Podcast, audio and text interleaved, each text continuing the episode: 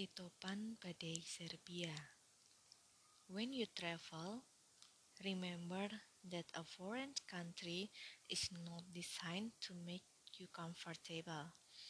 It is designed to make its own people comfortable. Clifton Fadiman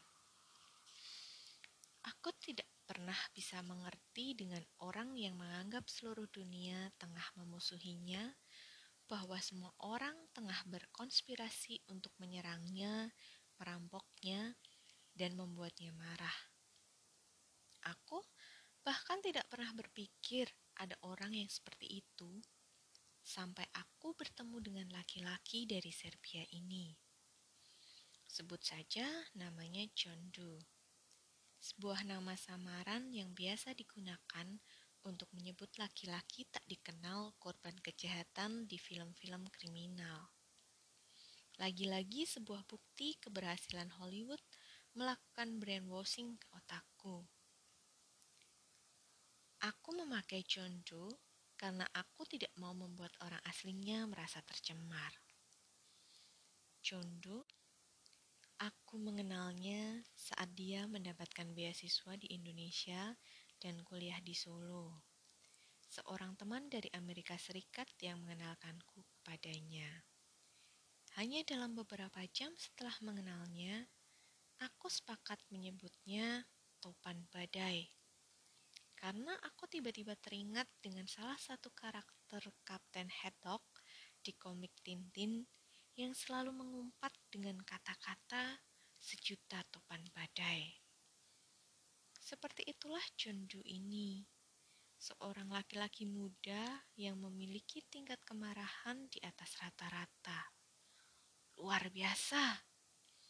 Dia mengambil beasiswa program seni yang menurutku lebih tepat bila dia mengambil beasiswa program Angel Management.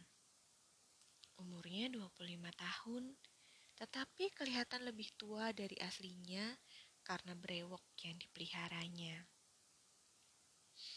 Brewok ini yang membuatku kelihatan tua, tapi tak mengapa, kata dia tentang usianya.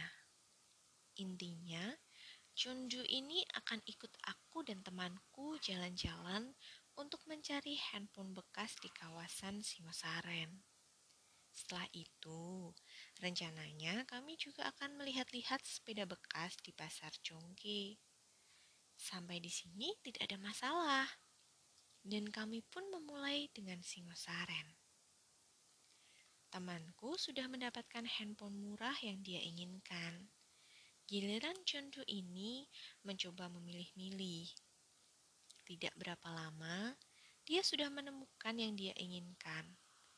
Lalu dia bertanya kepada penjual.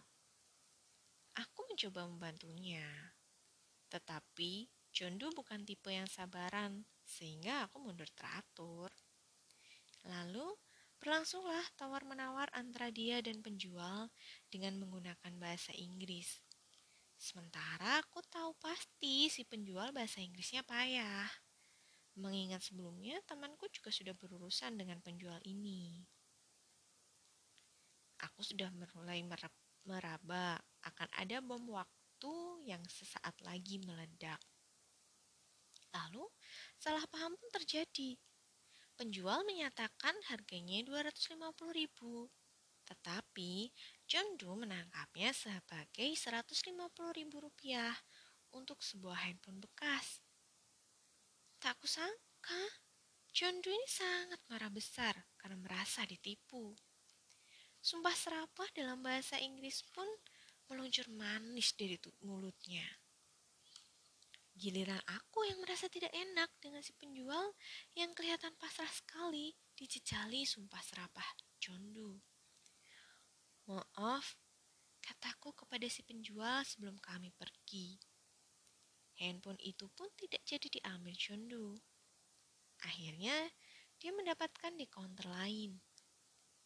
Usai urusan handphone kelar, kami pun naik bus menuju pasar Jungki. Kembali, duel maut terjadi gara-gara tarif bus. Sebelumnya, Jondu naik bus kota Damri dengan tarif jauh dekat Rp3.000. Sementara bus perusahaan swasta menarik tarif bergantung pada jarak tempuh dengan range antara Rp2.000 hingga Rp4.000. Jondo tidak melihat perbedaan. Bagi dia bus kota sama saja, entah mau milik negara atau swasta. Asumsi yang akhirnya menaikkan tensi darahnya ke ujung ubun-ubun. Karena jarak yang lumayan, kondektur bus swasta yang kami tumpangi menarik tarif Rp4.000 selisih seribu rupiah. Sumpah serapah, seribu sumpah serapah si topan badai meluncur dari mulut mercon bantingan. Beberapa penumpang menoleh kepadanya. Sementara aku membuang muka ke arah lain karena malu. Pura-pura tidak tahu. Selesai. Tidak. Pulang dari mengecek harga sepeda bekas di pasar Jongki, Jondo kembali bertingkah, kali ini di warnet. Kami tinggalkan Jondo di warnet, sementara aku dan temanku ada urusan sebentar dengan pemilik rumah yang akan disewa temanku. Sesaat setelah urusan selesai, kami menjemput Jondo di warnet. Dan musibah itu kembali terjadi. Berapa? Tanya Jondo kepada gadis penjaga warnet. Dua ribu rupiah, kata gadis itu. Chandra mendelik. What? Dia lalu mulai meracau bahwa harga per jamnya adalah dua ribu rupiah seperti yang tertempel di pintu. Aku hanya bermain sekitar 30 menit. Seharusnya membayar seribu rupiah. Kalian semua orang Indonesia ingin merampokku. Teriaknya. Begini, Bila billing sudah masuk ke, 3, ke menit 30, maka sudah masuk ke setengah jam terakhir. Jadi setengah jam pertama Rp1.000 adalah dari menit pertama sampai menit ke-29.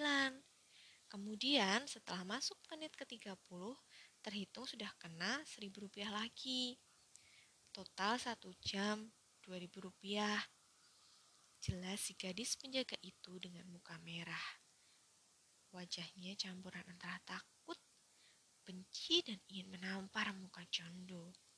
No, kalian curang. Semua ingin merampok. Aku tidak akan membayar.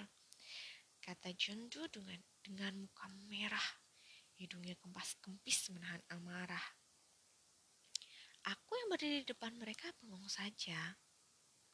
Jondo hanya membayar seribu rupiah lalu keluar terbengong-bengong dengan situasi itu. Tidak enak juga ikut berlalu begitu saja, meskipun aku yakin petugas itu tidak akan mempermasalahkan hal ini lebih lanjut. Cuma seribu rupiah ini, namun hati kecilku berbicara lain. Aku bertahan di dalam warnet dan meminta maaf atas kelakuan Jondu ini. Lalu aku mengeluarkan selembar uang seribu rupiah kepada kasir.